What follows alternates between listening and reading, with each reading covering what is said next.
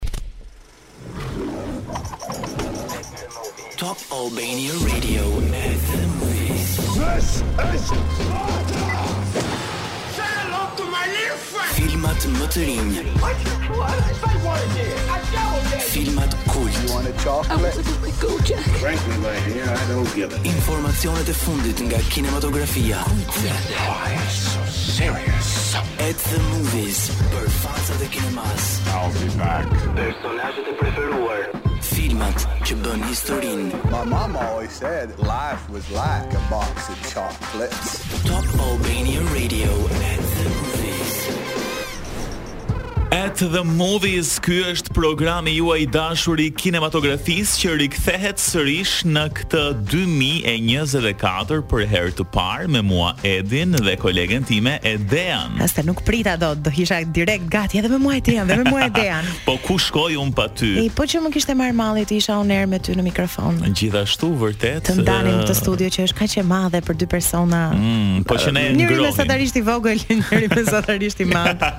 po gjithsesi bëjmë një kombinim shumë të mirë. Kemi edhe DJ XXL nga ana tjetër i cili do të na shoqërojë sot deri në fund të programit.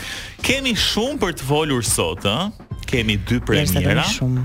Dhe kemi një ndarje çmimesh marramënce. Golden Globes 2024. Mua m'pëlqeu shumë sepse ishte po themi një ndër ato ceremonitë madhështore që na kishte munguar prej kohësh me gjithë tapetin e kuq, mënyrën e të veshurit, shumë çmime ishin shtuar dhe çmimet madje, por do merremi në pjesën e dytë të programit gjerësisht me Golden Globes. Ndërsa do ta nisim sot programin me një këngë shumë të bukur që unë në fakt e njihja pak, kolegja ime e kishte shumë qejf nga David Bowie. Është kolonë zanore e Let's Dance. Mm, e Argylle, një film me Dua Lipën që është premierë. Prandaj po e këndoje ti korridoreve, unë thashë se po kishe shije elitare muzikore, por paskam, mm, jo, qenë gabim. Nuk është e vërtetë thjesht. Është researchi që të solli këtu, okay. Po, po, po, po, e shiko sa mirë na ndihmon. Rëndësi nuk ka rruga, rëndësi ka që ti e gjete këtë këngë. Ecim me Let's Dance nga David Bowie. Dua Lipa duke se është shndërruar edhe në një pikë kyçe në kinematografi përveç muzikës, sepse ishte nominuar në Golden Globes për këngën më të mirë, Ndërkohë është personazh kryesor tek Argylle dhe duket se po i bën të dyja shumë mirë dhe me shumë sukses. Ne shqiptarët i bëjmë të gjitha mirë. I bëjmë të gjitha mirë, mendoj kështu dhe unë dhe Dua Lipa e vërteton më së miri këtë gjë dhe ne të dy besoj. Shkojmë tani tek um, traileri i Poor Things.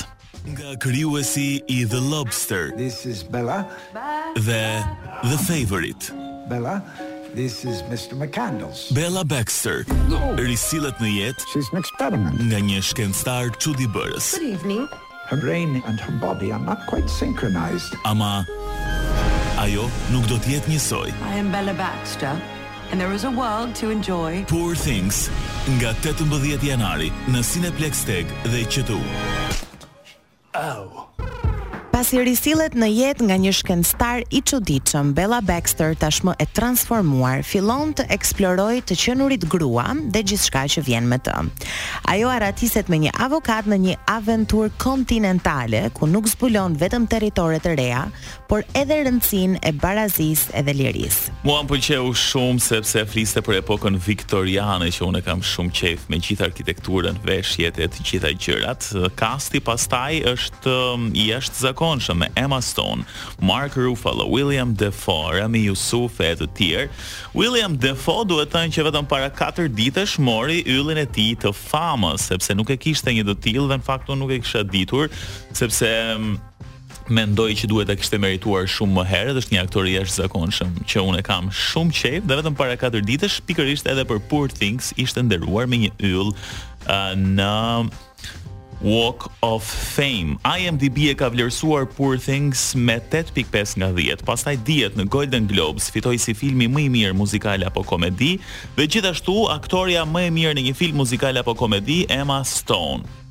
Po ashtu është nominuar trembëdhjetë herë në Critics Choice Award, përfshirë për filmin më të mirë. Edhe kështu që- doja vetëm të të ndërprisja pak sepse the që flet për atë epokën viktoriane, Mhm. por ndoshta nga regjia specifike e Yorgos është totalisht diçka duket shumë futuristike, shumë e ardhme.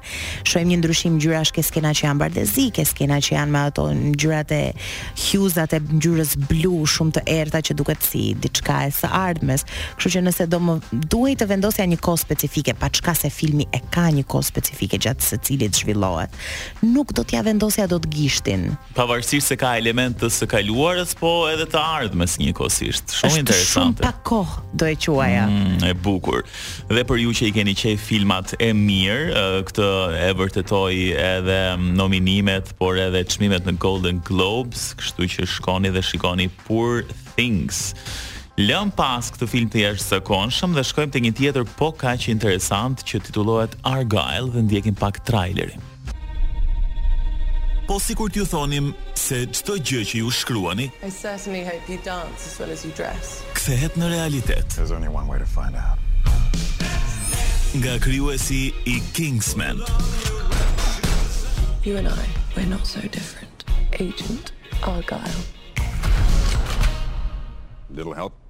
Hold on.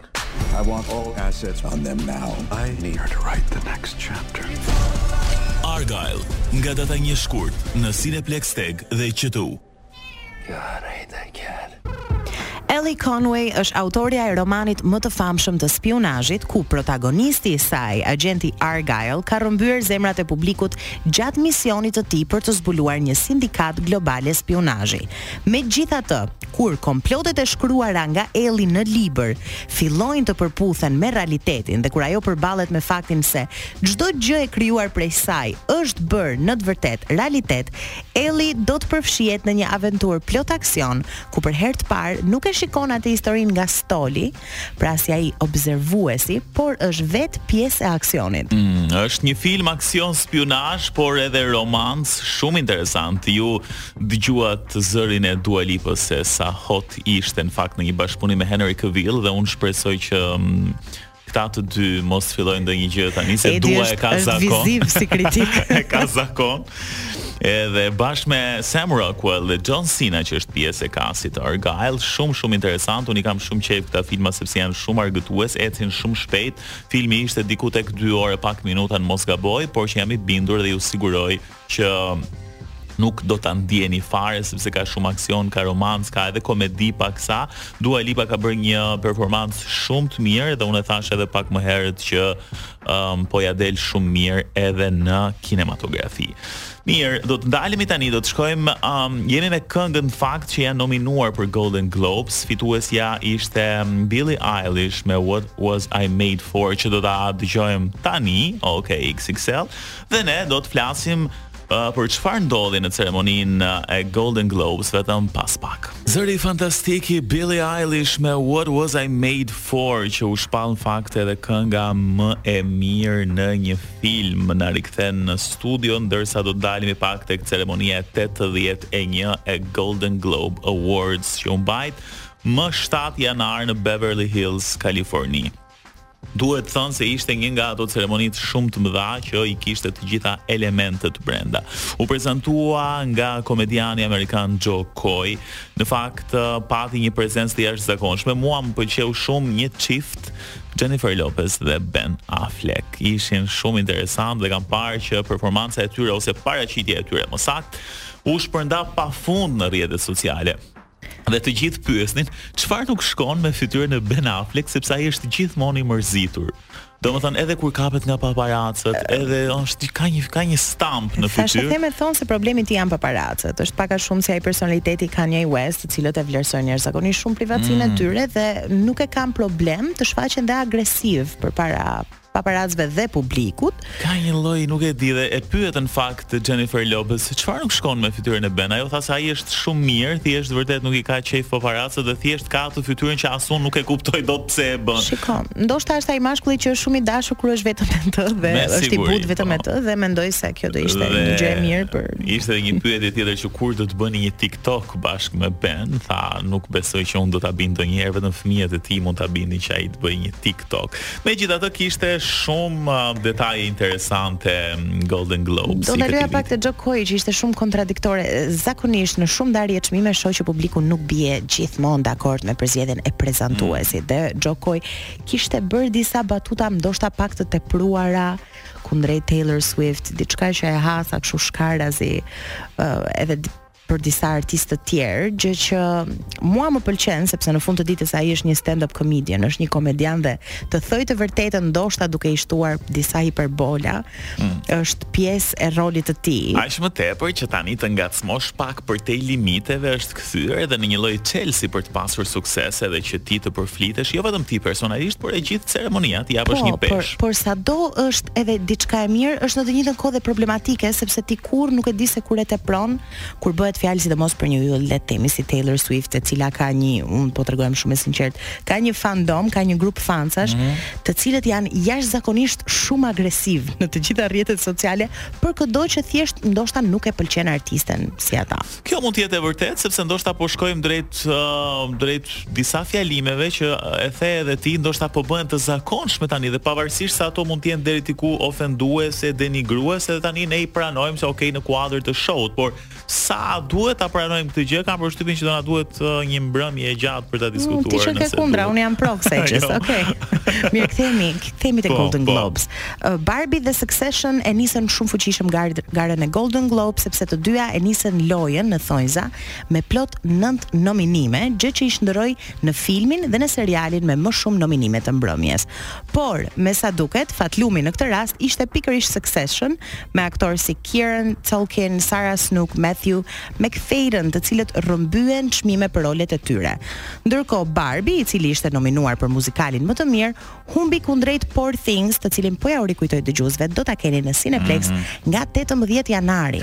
Do të diskutojmë vetëm pas pak për të gjitha kategoritë me radhë që ta marrim shtruar edhe për fituesit e mëdhenj të Golden Globes. Rikthehemi në At the Movies dhe po flisnim për Golden Globes. Përmendëm pak Barbin dhe Succession, të cilët kishin plot 9 nominime barazi, ama në vend të dytë nga nominimet, plot 8 nominime në Golden Globes, por do thoja në vend të parë për çmimet, ishte pikërisht Oppenheimer, i cili fitoi çmimin filmi më i mirë dramë, ama çmime rrëmbyen dhe aktorët Cillian Murphy, Robert Downey Jr, gjithashtu dhe regjisori Christopher Nolan. Dhe mendoj se Edi ka ardhur koha, Edi ka përgatitur një listë me të gjitha nominimet dhe fituesit, edhe mendoj se është koha që ne t'i diskutojmë pak me njëri-tjetrin. T'i diskutojmë paksa në ato ku mendojmë që ka diskutim, se për mendimin tim tek Filmi më i mirë dramë, um, Oppenheimer besoj nuk ka kundërshtime apo jo. Mund të themi deri diku tek Killers of the Flower Moon për mendimin tim, por gjithsesi Oppenheimer besoj jemi në një mendje që e meriton apo jo. Do argumentoja pak kundër teje, pasi pashë Maestron mm -hmm. dhe mendoj se ndoshta do do ndaloja tek aktrimi më shumë se sa tek regjia. Mm. Por fakti që protagonisti është në të njëjtën kohë dhe regjisor më bën që ndoshta të kem atë dëshirën që ti ke bërë dy gjëra merre këtë çmimin se e meriton. Për Bradley Cooper apo jo? Patjetër. Ndërsa um, aktori më i mirë uh, në një film dram Fitues ishte Cillian Murphy me Oppenheimer, por kemi dhe Bradley Cooper, Leonardo DiCaprio, Colman Domingo, Andrew Scott dhe Barry Keoghan. Edhe këtu besoj që mund të kesh një lloj kundërshtie për Bradley Cooper apo jo. Jo. Tek aktori më i mirë? Mm, jo dhe aq. Je i bindur për Cillian Murphy. Ndoshta do isha për Barry Keoghan, Okay, nga Saltburn. Kam disa përzgjedhje specifike sepse mendoj të Unë s'e kam parë Saltburn me thënë të drejtën. Kjo është gabimi yt i shtatë i ditës. Për sot është vërtet trashanik ky gabim. Saltburn është bërë një sensacion kudo në rrjet. Ëh. Mm -hmm. Është një film nuk është për ata amerikanët e quajnë It's not for the faint of heart. Nuk është për ata që kanë një zemër të dobët. Edhe këtë gjë po jua bëj a priori, ka disa skena shumë eksplicite nuk po gjej një fjalë që mund t'i përshkruaj ato skena sepse janë më shumë se eksplicite, janë uh, kaotike. Okay. Okay. Por Barry Keoghan, nëse ka një aktor të cilin nëse mua do më pyesje dhe nëse në botën time imagjinare unë jam një regjisore dhe më thua zgjidh njeriu që do portretizonte rolin më të çuditshëm dhe personazhin më të çuditshëm dhe disturbing, pra që të krijon një farë ankthi dhe shqetësimi, ai është pikërisht Barry Keoghan dhe mendoj se në Saltburn ka luajtur rolin e tij të jetës deri më tani. Ok, interesante më bëre kurioz shumë për Saltburn. Jemi tani tek aktorja më e mirë në një film muzikal apo komedi, ku fituese është Emma Stone tek Poor Things, por um, ka një lloj konkurrence me Margot Robbie, do thoja unë. Edhe pse nuk më pëlqen filmi në tërësi Barbie, por Margot mua më pëlqen shumë si aktore dhe do doja që ajo ta kishte marrë çmimin më shumë se sa Emma Stone. Megjithatë, duke u nisur tek filmi, mendoj që do duhej një film tjetër që Margot të shpërblehej me një çmim. Barbie nuk e di, po Nëse Margot duhet kishte meritu, do kishte marrë një çmim si aktore më e mirë, për mendimin tim do ishte për Babylon dhe jo për Barbie.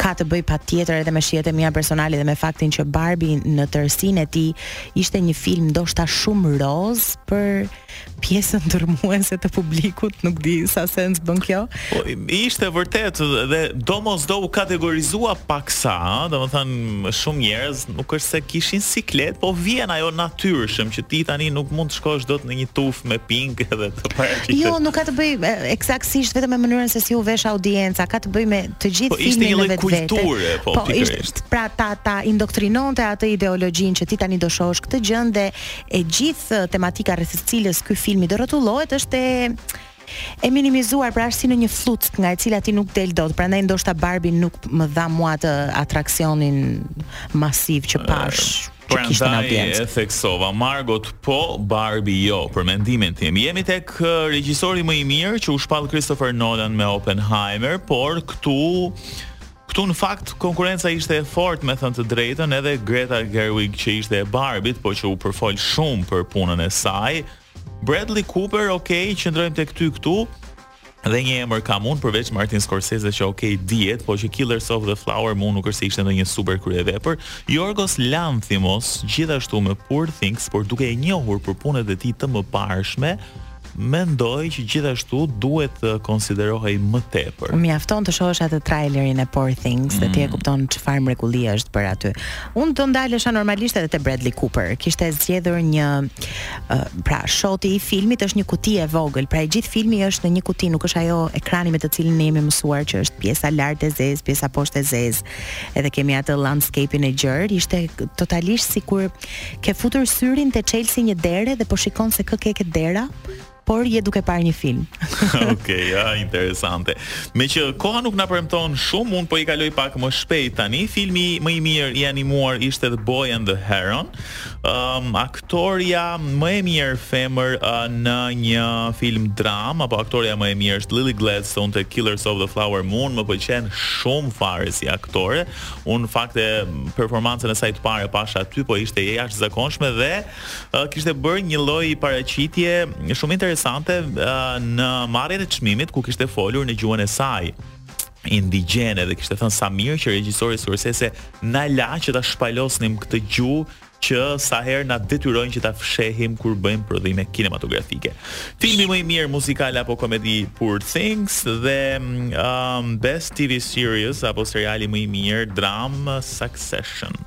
Ndërkohë për këngën e thamë që ishte uh, Billie Eilish me What Was I Made For nga Barbie, në fakt Ishte ishin tre këngë të nominuara për Barbin, ishte edhe Dance the Night nga Dua Lipa dhe I'm Just Ken nga Mark Ronson. Kështu që um, nga nominimet Barbie ia ka dalë shumë mirë, megjithatë Oppenheimer duket se triumfoi dhe me meritë të plotë, mendoj pavarësisht kundërshtive të vogla Jemi të gjithë dakord që ishte një film shumë i përfolur që e meritonte atë që mori. Mirë, shkëputemi për pak dhe kthehemi për të shpallur fituesin e kuicit edhe për t'u përshëndetur me ju. Okej, kjo këngë është sa fani, po sa edhe e bukur. është është kolon zanore e Super Marios nga Jack Black. Vetëm Jack Black mund të bëjë këto gjëra. Jepi gaz, jemi në fund dhe duhet të shpallim fituesin e kuicit të javës që po lëmë pas është Justy që ka gjetur shprehjen You make me want to be a better man, ndërsa ka fituar dy bileta për në Cineplex që mund të vijë t'i tërheqë dhe të shohë filmin e tij të preferuar me kë të dojë ai. Mos harroni dy premierat në Cineplex, Poor Things dhe Argyle.